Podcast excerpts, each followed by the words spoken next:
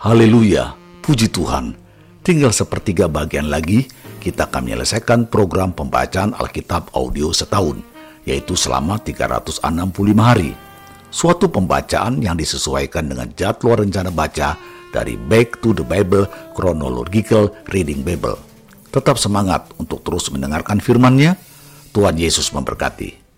Inilah mendengarkan firman Tuhan hari ke-269 Nehemia pasal 1 ayat 1 sampai 11. Doa Nehemia bagi orang Israel. Riwayat Nehemia bin Hakalya pada bulan Kislu tahun ke-20 ketika aku ada di Buri Susan, datanglah Hanani, salah seorang dari saudara-saudaraku dengan beberapa orang dari Yehuda. Aku menanyakan mereka tentang orang-orang Yahudi yang terluput, yang terhindar dari penawanan dan tentang Yerusalem kata mereka kepadaku, Orang-orang yang masih tinggal di daerah sana, yang terhindar dari penawanan, ada dalam kesukaran besar dan dalam keadaan tercela. Tembok Yerusalem telah terbongkar, dan pintu-pintu gerbangnya telah terbakar. Ketika aku dengar berita ini, duduklah aku menangis dan berkabung selama beberapa hari. Aku berpuasa dan berdoa ke hadirat Allah semesta langit. Kataku, Ya Tuhan Allah semesta langit, Allah yang maha besar dan dahsyat, yang berpegang pada perjanjian dan kasih setianya terhadap orang yang kasih kepadanya dan tetap mengikuti perintah-perintahnya. Berilah telingamu dan bukalah matamu, dan dengarkanlah doa hambamu yang sekarang kupanjatkan ke hadiratmu siang dan malam bagi orang Israel. Hamba-hambamu itu, dengan mengaku segala dosa yang kami orang Israel telah lakukan terhadapmu juga aku dan kaum keluargaku telah berbuat dosa. Kami telah sangat bersalah terhadapmu dan tidak mengikuti perintah-perintah, ketetapan-ketetapan, dan peraturan-peraturan yang telah kau perintahkan kepada Musa hambamu itu. Ingatlah akan firman yang kau pesan pada Musa hambamu itu, yakni, Bila kamu berubah setia, kamu akan kucerai berakan di antara bangsa-bangsa.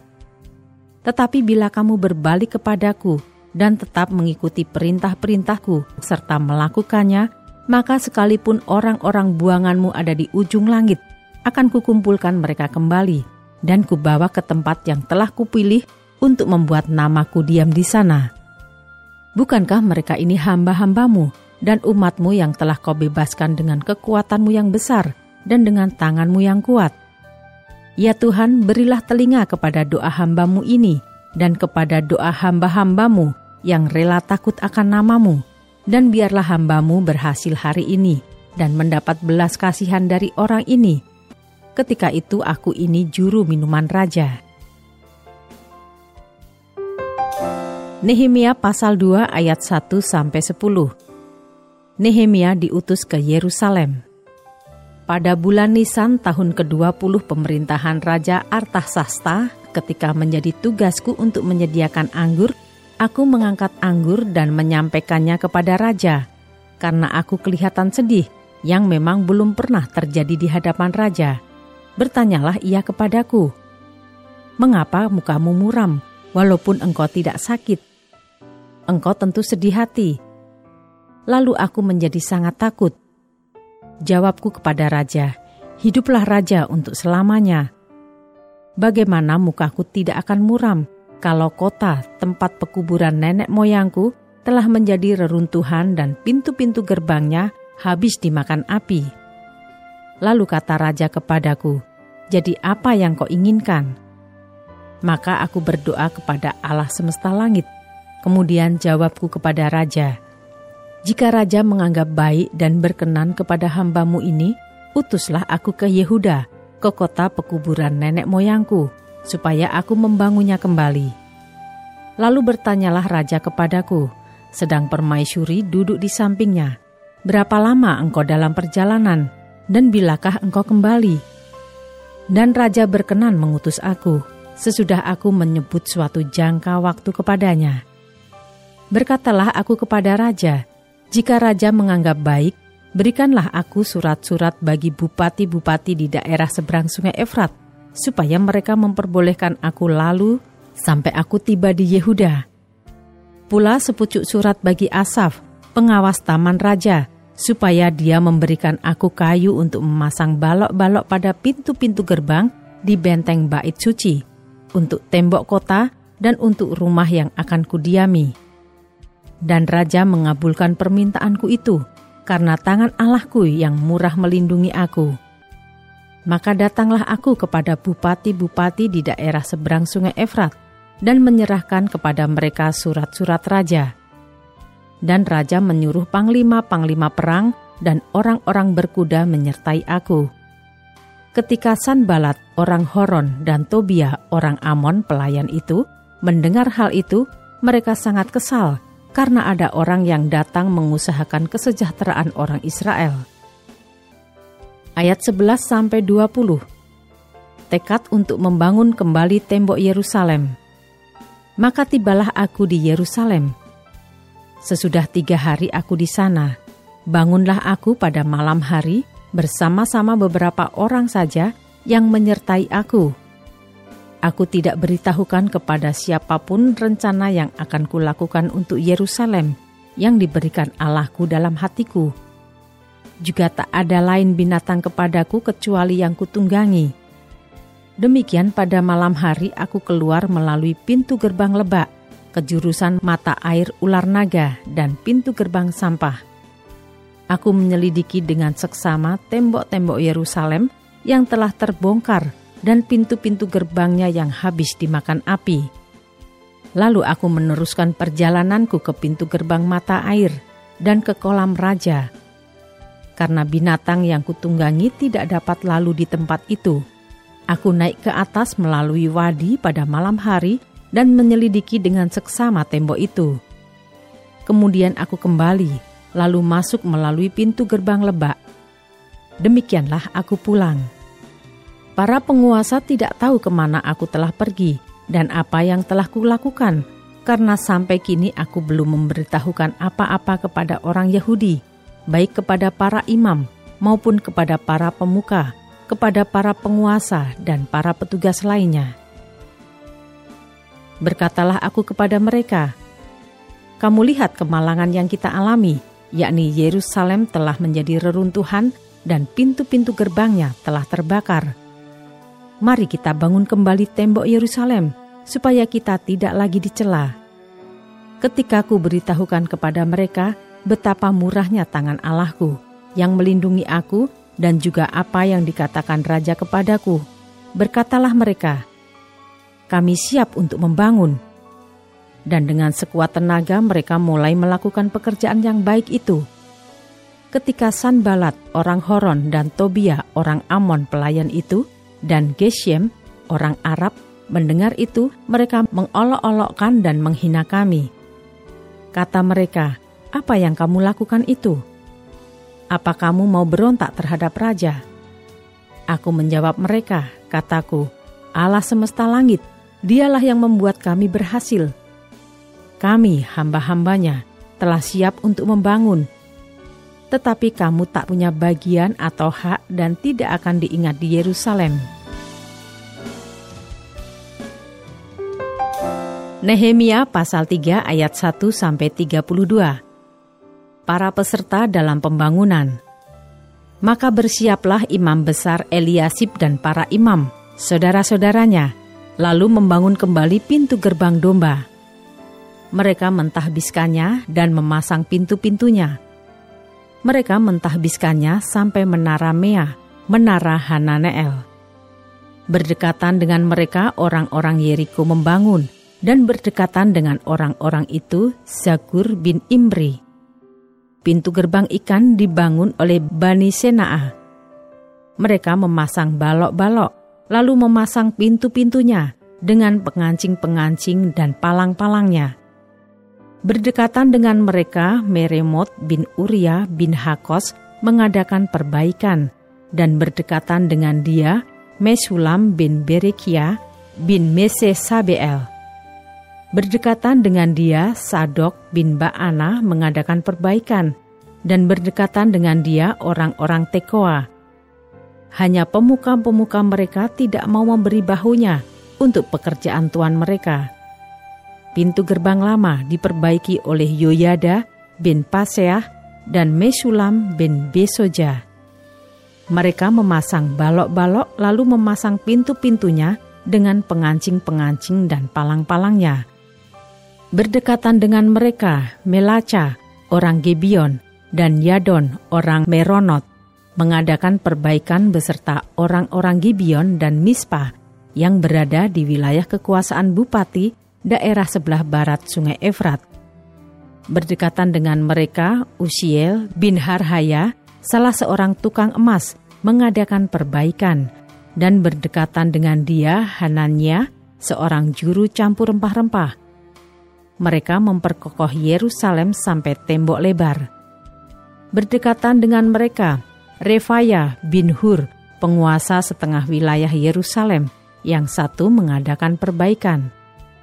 Berdekatan dengan dia, Yedaya bin Harumaf mengadakan perbaikan tepat di depan rumahnya. Dan berdekatan dengan dia, Hatus bin Hasabnea, Malkia bin Harim, dan Hasub bin Pahat Moab memperbaiki bagian yang lain dan menara perapian. Berdekatan dengan mereka, Salum bin Halohes, penguasa setengah wilayah Yerusalem yang lain, mengadakan perbaikan bersama-sama anak-anak perempuannya. Pintu gerbang lebak diperbaiki oleh Hanun dan penduduk Sanoah mereka membangunnya kembali dan memasang pintu-pintunya dengan pengancing-pengancing dan palang-palangnya.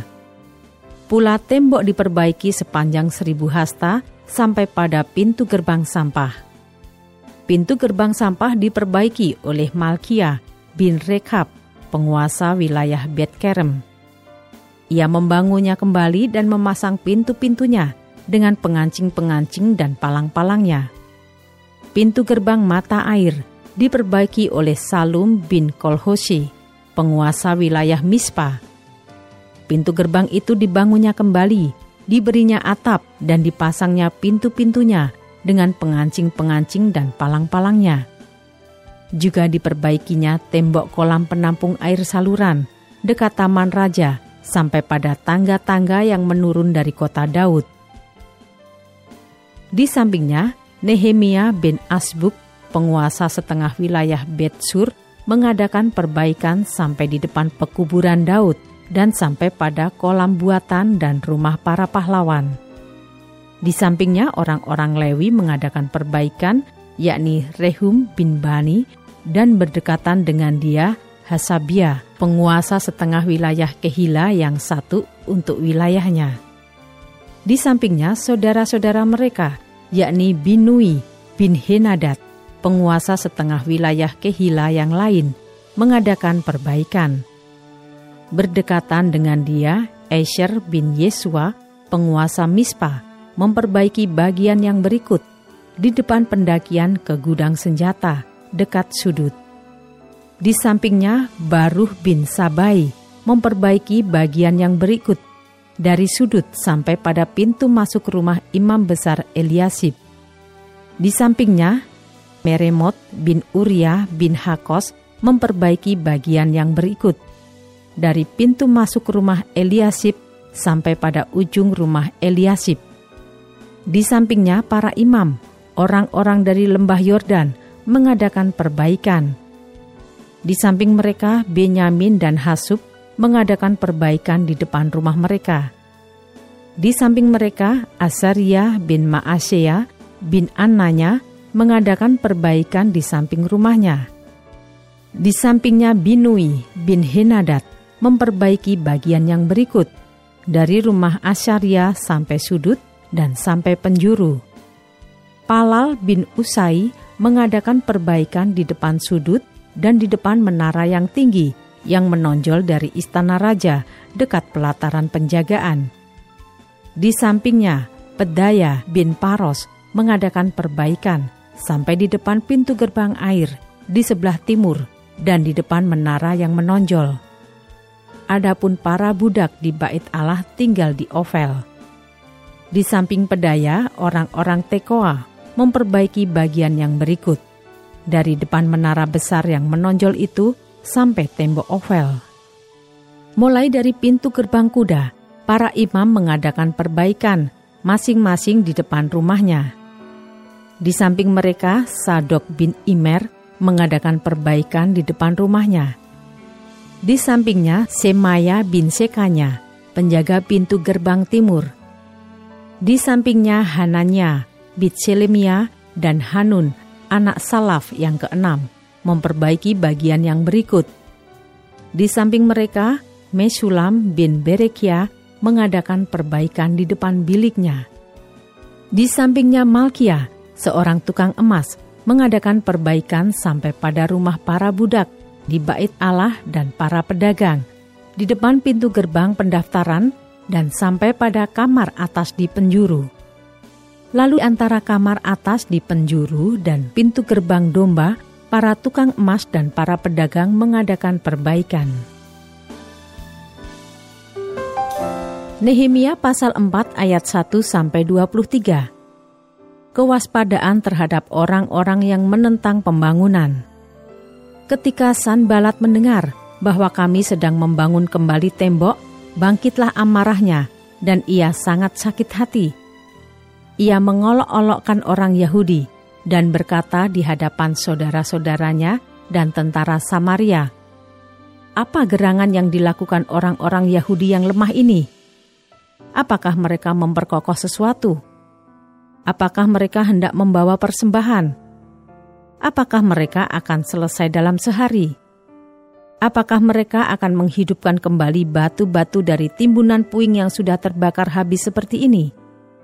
Lalu berkatalah Tobia, orang Amon itu, yang ada di dekatnya. Sekalipun mereka membangun kembali, kalau seekor anjing hutan meloncat dan menyentuhnya, robohlah tembok batu mereka. Ya Allah kami, dengarlah bagaimana kami dihina. Balikkanlah cercaan mereka menimpa kepala mereka sendiri, dan serahkanlah mereka menjadi jarahan di tanah tempat tawanan. Jangan kau tutupi kesalahan mereka, dan dosa mereka jangan kau hapus dari hadapanmu, karena mereka menyakiti hatimu dengan sikap mereka terhadap orang-orang yang sedang membangun. Tetapi kami terus membangun tembok sampai setengah tinggi dan sampai ujung-ujungnya bertemu, karena seluruh bangsa bekerja dengan segenap hati ketika Sanbalat dan Tobia, serta orang Arab dan orang Amon dan orang Asdod mendengar bahwa pekerjaan perbaikan tembok Yerusalem maju dan bahwa lubang-lubang tembok mulai tertutup, maka sangat marahlah mereka. Mereka semua mengadakan persepakatan bersama untuk memerangi Yerusalem dan mengadakan kekacauan di sana. Tetapi kami berdoa kepada Allah kami dan mengadakan penjagaan terhadap mereka siang dan malam – karena sikap mereka. Berkatalah orang Yehuda, kekuatan para pengangkat sudah merosot dan puing masih sangat banyak. Tak sanggup kami membangun kembali tembok ini. Tetapi lawan-lawan kami berpikir, mereka tidak akan tahu dan tidak akan melihat apa-apa sampai kita ada di antara mereka, membunuh mereka dan menghentikan pekerjaan itu.' Ketika orang-orang Yahudi yang tinggal dekat mereka sudah sepuluh kali datang memperingatkan kami, mereka akan menyerang kita dari segala tempat tinggal mereka. Maka aku tempatkan rakyat menurut kaum keluarganya dengan pedang, tombak, dan panah di bagian-bagian yang paling rendah dari tempat itu, di belakang tembok, di tempat-tempat yang terbuka. Ku amati semuanya, lalu bangun berdiri dan berkata kepada para pemuka dan para penguasa dan kepada orang-orang yang lain. Jangan kamu takut terhadap mereka. Ingatlah kepada Tuhan yang Maha Besar dan dahsyat, dan berperanglah untuk saudara-saudaramu, untuk anak-anak lelaki dan anak-anak perempuanmu, untuk istrimu dan rumahmu. Ketika didengar musuh kami bahwa rencana mereka sudah kami ketahui, dan bahwa Allah telah menggagalkannya, maka dapatlah kami semua kembali ke tembok masing-masing ke pekerjaannya. Sejak hari itu, sebagian daripada anak buahku melakukan pekerjaan, dan sebagian yang lain memegang tombak, perisai, dan panah, dan mengenakan baju sirah, sedang para pemimpin berdiri di belakang segenap kaum Yehuda yang membangun di tembok. Orang-orang yang memikul dan mengangkut melakukan pekerjaannya dengan satu tangan dan dengan tangan yang lain mereka memegang senjata. Setiap orang yang membangun bekerja dengan berikatkan pedang pada pinggangnya, dan di sampingku berdiri peniup sangkakala. Berkatalah aku kepada para pemuka dan para penguasa dan kepada orang-orang yang lain, pekerjaan ini besar dan luas, dan kita terpencar pada tembok yang satu jauh daripada yang lain. Dan kalau kamu mendengar bunyi sangkakala di suatu tempat, berkumpullah ke sana mendapatkan kami. Allah kita akan berperang bagi kita. Demikianlah kami melakukan pekerjaan itu sedang sebagian daripada orang-orang memegang tombak dari merekahnya fajar sampai terbitnya bintang-bintang. Pada waktu itu juga, aku berikan perintah kepada rakyat. Setiap orang dengan anak buahnya harus bermalam di Yerusalem, supaya mereka mengadakan penjagaan bagi kami pada malam hari dan melakukan pekerjaannya pada siang hari. Demikianlah aku sendiri, saudara-saudaraku, anak buahku, dan para penjaga yang mengikut aku, kami semua tidak sempat menanggalkan pakaian kami. Setiap orang memegang senjata dengan tangan kanan. Nehemia pasal 5 ayat 1 sampai 13. Nehemia memperhatikan keluhan-keluhan sesama orang Yahudi. Maka terdengarlah keluhan yang keras dari rakyat dan juga dari pihak para istri terhadap sesama orang Yahudi ada yang berteriak, "Anak laki-laki dan anak perempuan kami banyak, dan kami harus mendapat gandum supaya kami dapat makan dan hidup."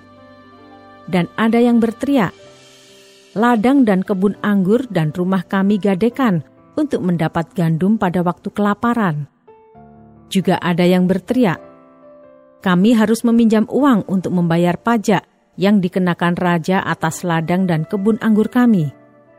Sekarang, walaupun kami ini sedarah sedaging dengan saudara-saudara sebangsa kami dan anak-anak kami sama dengan anak-anak mereka, namun kami terpaksa membiarkan anak-anak lelaki dan anak-anak perempuan kami menjadi budak dan sudah beberapa anak perempuan kami harus membiarkan diri dimiliki orang. Kami tidak dapat berbuat apa-apa karena ladang dan kebun anggur kami sudah di tangan orang lain maka sangat marahlah aku ketika aku dengar keluhan mereka dan berita-berita itu. Setelah berpikir masak-masak, aku menggugat para pemuka dan para penguasa. Kataku kepada mereka, masing-masing kamu telah makan riba dari saudara-saudaramu. Lalu kuadakan terhadap mereka suatu sidang jemaah yang besar. Berkatalah aku kepada mereka, kami selalu berusaha sedapat-dapatnya untuk menebus sesama orang Yahudi yang dijual kepada bangsa-bangsa lain. Tetapi kamu ini justru menjual saudara-saudaramu, supaya mereka dibeli lagi oleh kami. Mereka berdiam diri karena tidak dapat membantah. Kataku, tidaklah patut apa yang kamu lakukan itu. Bukankah kamu harus berlaku dengan takut akan Allah kita untuk menghindarkan diri dari cercaan bangsa-bangsa lain, musuh-musuh kita?' Juga aku dan saudara-saudaraku dan anak buahku telah membungakan uang dan gandum pada mereka. Biarlah kita hapuskan hutang mereka itu. Biarlah kamu kembalikan kepada mereka hari ini juga ladang mereka, kebun anggur, kebun jaitun, dan rumah mereka. Pula hapuskanlah hutang mereka, yakni uang serta gandum, anggur, dan minyak yang kamu tagih daripada mereka. Berkatalah mereka, itu akan kami kembalikan, dan kami tidak akan menuntut apa-apa dari mereka. Kami akan lakukan tepat seperti yang engkau perintahkan. Lalu aku memanggil para imam dan menyuruh mereka bersumpah bahwa mereka akan menepati janji mereka. Juga ku kebas lipatan bajuku sambil berkata, Demikianlah setiap orang yang tidak menepati janji ini akan dikebas Allah dari rumahnya dan hasil jerih payahnya.' Demikianlah ia dikebas dan menjadi hampa. Dan seluruh jemaah berkata, Amin. lalu memuji-muji Tuhan. Maka rakyat berbuat sesuai dengan janji itu. Ayat 14 sampai 19. Sikap Nehemia yang tidak mencari keuntungan. Pula sejak aku diangkat sebagai bupati di tanah Yehuda, yakni dari tahun ke-20 sampai tahun ke-32 pemerintahan Artahsasta, jadi 12 tahun lamanya, aku dan saudara-saudaraku tidak pernah mengambil pembagian yang menjadi hak bupati. Tetapi para bupati yang sebelumnya, yang mendahului aku, sangat memberatkan beban rakyat. Bupati-bupati itu mengambil dari mereka 40 sikal perak sehari untuk bahan makanan dan anggur. Bahkan anak buah mereka merajalela atas rakyat. Tetapi aku tidak berbuat demikian karena takut akan Allah. Aku pun memulai pekerjaan tembok itu, walaupun aku tidak memperoleh ladang. Dan semua anak buahku dikumpulkan di sana khusus untuk pekerjaan itu Duduk pada mejaku orang-orang Yahudi dan para penguasa 150 orang, selain mereka yang datang kepada kami dari bangsa-bangsa sekeliling kami. Yang disediakan sehari atas tanggunganku ialah seekor lembu, enam ekor kambing domba yang terpilih, dan beberapa ekor unggas, dan bermacam-macam anggur, dengan berlimpah-limpah setiap sepuluh hari. Namun dengan semuanya itu, aku tidak menuntut pembagian yang menjadi hak bupati, karena pekerjaan itu sangat menekan rakyat. Ya Allahku, demi kesejahteraanku, ingatlah segala yang kubuat untuk bangsa ini. Tetap semangat, teruskanlah mendengarkan firman Tuhan. Sampai jumpa esok hari.